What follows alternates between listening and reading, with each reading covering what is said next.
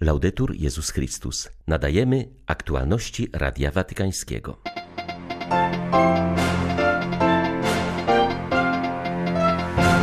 Pokoju nie osiąga się przez podbój czy pokonywanie kogoś, również nie przez stosowanie przemocy czy przy użyciu broni, powiedział papież przed modlitwą Anioł Pański.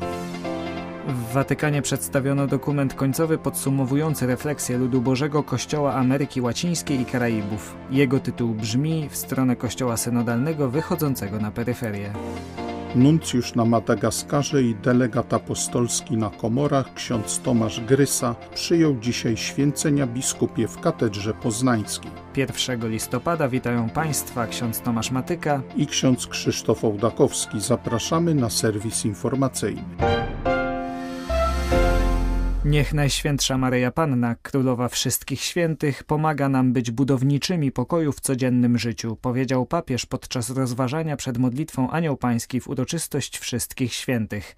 Franciszek zaznaczył, że nie byli oni ludźmi idealnymi, prostolinijnymi, dokładnymi i dobrze ułożonymi. Dodał, że dzisiejsza Ewangelia obala stereotypową, obrazkową świętość. Błogosławieństwa Jezusa, które są wizytówką świętych, wskazują, że żyli oni w sposób rewolucyjny idąc pod prąd otaczającej rzeczywistości. Ojciec Święty zaznaczył, że błogosławieństwo dotyczące pokoju przedstawia go inaczej niż sobie często wyobrażamy. Mówiąc o pokoju, pragniemy życia wolnego od problemów w którym zostaniemy pozostawieni samym sobie w spokoju ze strony innych ludzi. Jezus natomiast nie nazywa błogosławionymi tych, którzy trwają w spokoju, ale tych, którzy wprowadzają pokój, budowniczych, twórców pokoju. W rzeczywistości pokój trzeba zbudować. Jak każda budowa wymaga zaangażowania, współpracy, cierpliwości. Chcielibyśmy, aby pokój spadał z góry, ale Biblia mówi o ziarnie pokoju, ponieważ kiełkuje ono z gleby życia, z ziarna naszego serca. Wzrasta w ciszy dzień po dniu poprzez dzieła sprawiedliwości i miłosierdzia, jak pokazują nam świetlani świadkowie, których dziś czcimy. Nadal jesteśmy przekonywani, że pokój przychodzi siłą i mocą. U Jezusa jest odwrotnie. Jego życie i życie świętych mówi nam, że ziarno pokoju, aby wzrastać i przynosić owoce, musi najpierw obumrzeć. Pokoju nie osiąga się przez zdobycie lub pokonanie kogoś, nigdy przez stosowanie przemocy, nigdy przy użyciu broni. W pozdrowieniach po modlitwie Anioł Pański papież prosił, aby nie zapominać o udręczonej Ukrainie. Wezwał do modlitwy o pokój w tym kraju oraz na całym świecie. Nawiązał także do rozpoczynającej się pojutrze podróży apostolskiej do Bahrajnu. Będzie to 39. zagraniczna pielgrzymka obecnego pontyfikatu. Już w tej chwili pragnę z serca pozdrowić i podziękować królowi, władzom, braciom i siostrom w wierze oraz wszystkim mieszkańcom kraju, zwłaszcza tym, którzy od pewnego czasu pracowali nad przygotowaniem tej wizyty. Będzie to podróż pod znakiem dialogu. Wezmę tam udział w forum na temat niezbędnej potrzeby zbliżenia wschodu i zachodu dla dobra ludzkiego współistnienia. Będę miał okazję porozmawiać z przedstawicielami różnych religii, zwłaszcza islamskiej.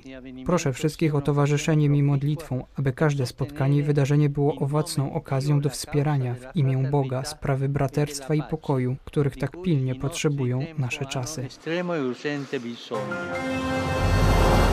Ojciec Święty pozdrowił dzisiaj również osoby biorące udział w 14 edycji Biegu Świętych. Zgromadził on na ulicach Rzymu prawie 2,5 tysiąca uczestników.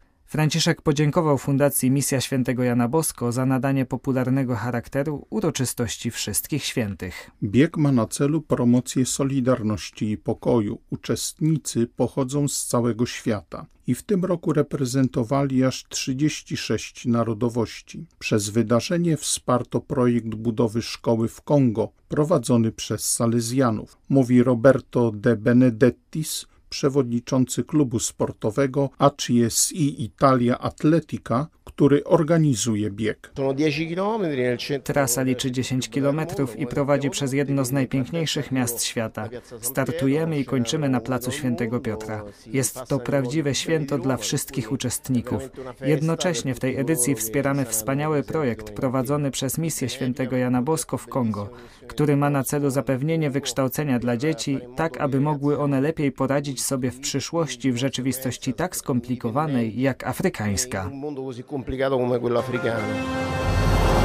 Od dzisiaj nie będzie możliwe ignorowanie wsłuchiwania się w głos ludu Bożego. Taki wniosek, zdaniem arcybiskupa Trujillo w Peru, Miguela Cabrejosa wynika z dokumentu końcowego pierwszego zgromadzenia eklezjalnego Ameryki Łacińskiej i Karaibów, które odbyło się w dniach od 21 do 28 października ubiegłego roku w mieście Meksyku. Jego tytuł brzmi W stronę kościoła synodalnego wychodzącego na peryferię. Tekst został zaprezentowany przez Prezydium Rady Episkopatu Ameryki Łacińskiej i Karaibów podczas konferencji prasowej w Watykanie. Dokument liczący 142 strony zwraca uwagę, że Kościół nigdy nie powinien ulegać znużeniu. Zawsze powinien budować mosty, obalać mury, integrować różnice, promować kulturę spotkania i dialogu oraz formować do przebaczenia i pojednania, do sprawiedliwości, odrzucenia przemocy oraz niesienia pokoju mówi historyk i teolog profesor Gianni Labella. Pracami zgromadzenia kierowały dwa słowa klucze, które papież wskazał w orędziu do uczestników – Stanowiły one rodzaj busoli, drogowskazu, mapy drogowej dla refleksji delegatów. Pierwsze ze słów zaproponowanych przez papieża to wylanie, opisujące dynamiczne działanie Ducha Świętego. Przez to doświadczenie Franciszek zaprosił Kościół latynoamerykański do przezwyciężenia wewnętrznych podziałów i znalezienia twórczych oraz nowatorskich rozwiązań na drodze nawrócenia duszpasterskiego i uczynienia Kościoła bardziej ewangelizującym i misyjnym, aby był zdolny przemienić się z Arki Noego w łódź świętego Piotra.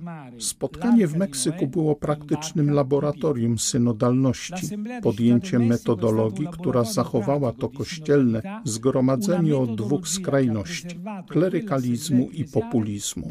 Drugim słowem zaproponowanym przez papieża jest słuchanie Wymiana umożliwia wsłuchanie się w słowa Boga poprzez wsłuchanie się w wołanie ludu, aż do oddychania w jego rytmie, wolą Boga, którą nam ukazuje poprzez głos tego ludu.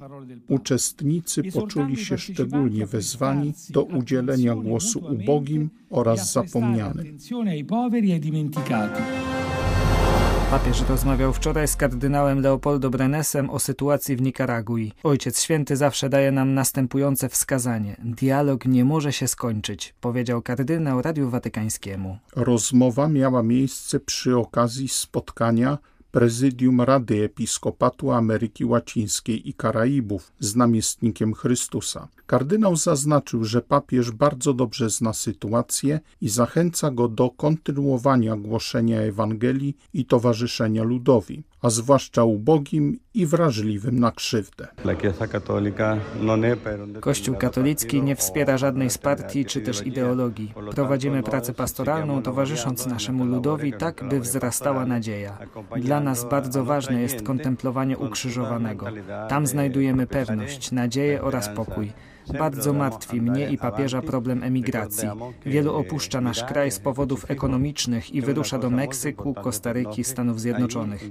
Rodzi to wiele bólu, bo trzeba opuścić rodzinę, a ponadto niesie z sobą wielkie ryzyko w czasie podróży. To naprawdę bardzo trudna sytuacja dla rodzin. È molto difficile per la famiglia. Dalej trwają dokonywane przez Rosjan masowe ostrzały ukraińskich punktów cywilnych, zwłaszcza infrastruktury energetycznej. W wielu miejscach kraju wprowadzono ograniczenia co do użycia prądu, a elektrownie usilnie pracują nad odtworzeniem swoich możliwości produkcyjnych. Jednak nasza ojczyzna się nie poddaje, a siły zbrojne wyzwalają kolejne terytoria, na przykład w obwodzie ługańskim, wskazał arcybiskup Światosław Szewczuk. Chcę dzisiaj z Wami kontynuować nasze rozważania nad tym, jak możemy naprawdę pozostać mocnymi i wytrwałymi jako naród, jak budować naszą przyszłość, jaka powinna być Ukraina po zwycięstwie, na jakich fundamentach, wartościach, drogowskazach moralnych trzeba nam formować nasze osobiste, rodzinne, społeczne i państwowe życie. Trzeba nam wcielać w życie te zasady, w które wierzymy. Dlatego tak ważnym jest, abyśmy świadczyli swoim osobistym życiem o Ewangelii rodziny, jak mówi o tym obecnie papież Franciszek. Stąd dzisiaj pragnę po pierwsze podziękować wszystkim, którzy naprawdę urzeczywistniają rodzinne wartości w życiu własnej rodziny. Niech Pan Wam błogosławi i wspiera. Dziękuję, że swoim osobistym przykładem świadczycie o Chrystusowej Ewangelii we współczesnym świecie. Widzimy, jak szczęśliwa, silna rodzina ma prawdziwie apostolski wymiar. Ma apostolski Dzień Wszystkich Świętych na Ukrainie przeżywany jest w tym roku w sposób szczególny. Odwiedzający miejsca pochówku zmarłych niosą w pamięci zwłaszcza tych, którzy odeszli do wieczności w tragicznych okolicznościach trwającej obecnie wojny. W Lwowie, gdzie od rana słychać było syreny przeciwlotnicze, mszy świętej na cmentarzu Orląt Lwowskich i na cmentarzu Łyczakowskim przewodniczył tamtejszy metropolita arcybiskup Mieczysław Mokrzycki. Lwowskie cmentarze, Łyczakowski, Orlęta oraz Janowski to tradycyjnie miejsca pamięci o tych, którzy tworzyli historię Lwowa i dawnych kresów Rzeczpospolitej. Spoczywają tutaj Polacy, Ukraińcy i przedstawiciele innych narodów. Od 2014 roku na cmentarzu Łyczakowskim znaleźli miejsce wiecznego odpoczynku także ci, którzy oddali życie w wojnie z rosyjskim agresorem. Z braku miejsca w obrębie starych murów cmentarza rozszerzono wojenne pochówki o położone w sąsiedztwie cmentarza tzw. Tak Marsowe Pole. Tutaj prawie każdego dnia odbywają się ceremonie pogrzebowe poległych na wojnie żołnierzy pochodzących z Lwowa. Mówi metropolita lwowski, arcybiskup Mieczysław Makrzycki. Razem z mieszkańcami Lwowa i naszymi wiernymi już tradycyjnie 1 listopada udajemy się na cmentarz Łyczakowski, cmentarz Orląt Lwowskich. Jest to miejsce szczególne, miejsce święte i w tym dniu modlimy się do wszystkich naszych świętych o ich wstawiennictwo, orędownictwo. Tym roku w sposób szczególny będziemy prosić o ustanie wojny w Ukrainie. Ten dzień będzie szczególny, ponieważ będziemy zatrzymywać się przy tych, którzy zginęli na wskutek trwającej wojny. Chcemy wyrazić im w ten sposób poprzez naszą modlitwę wdzięczność za to, że złożyli swoje życie na ołtarzu ojczyzny. Z Lwowa do Radia Watykańskiego ksiądz Mariusz Krawiec, Paulista. Katedrze poznańskiej sekretarz stanu Stolicy Apostolskiej, kardynał Pietro Parolin, udzielił dziś sakry biskupiej nowemu nuncjuszowi apostolskiemu na Madagaskarze i delegatowi apostolskiemu na Komorach z funkcjami delegata apostolskiego na Reunion, arcybiskupowi Tomaszowi Grysie. W homilii najbliższy współpracownik Ojca Świętego zauważył, że każdy człowiek ma swoją własną, specyficzną drogę do świętości. Podkreślił, że misją arcybiskupa Grysy będzie reprezentowanie Kościoła i papieża, upowszechnianie jego nauczania, krzewienie pokoju, aby oddalić od ludzkości plagę wojny. W dzisiejszej uroczystości wzięli udział również przedstawiciele episkopatu Madagaskaru, gdzie nowy nuncjusz będzie pełnił swą posługę. Arcybiskup Grysa nie krył swego entuzjazmu wobec czekającej go misji. Madagaskar to dla mnie zupełnie nowe wyzwanie, chociaż pracowałem już na terenach misyjnych w Indiach, to jednak zupełnie inny kontekst ale jednocześnie y, jest to kraj, z którym jakoś jest związana także i moja rodzina diecezja, bo stąd jest wielu oblatów Maryi Niepokalanej, którzy pracują na Madagaskarze. Także Caritas Poznań y, jest aktywna w tamtym rejonie. Moja mama też jest szefową sekcji misyjnej KIK-u i miała kontakty z Madagaskarem. W jakiś sposób więc zostałem przygotowany do tej misji, chociaż nieświadomie. Ale jadę tam z wielką radością dlatego że praca misyjna zawsze mnie pociągała. Arcybiskup Grysa od 21 lat pracuje w służbach dyplomatycznych stolicy apostolskiej, pełniąc swą posługę innymi w Rosji i ONZ, a ostatnio był pierwszym radcą nuncjatury apostolskiej w Jerozolimie. Z Poznania dla Radia Watykańskiego ojciec Stanisław Tasiemski, Dominikanin. Były to aktualności Radia Watykańskiego. Laudetur Jezus Chrystus.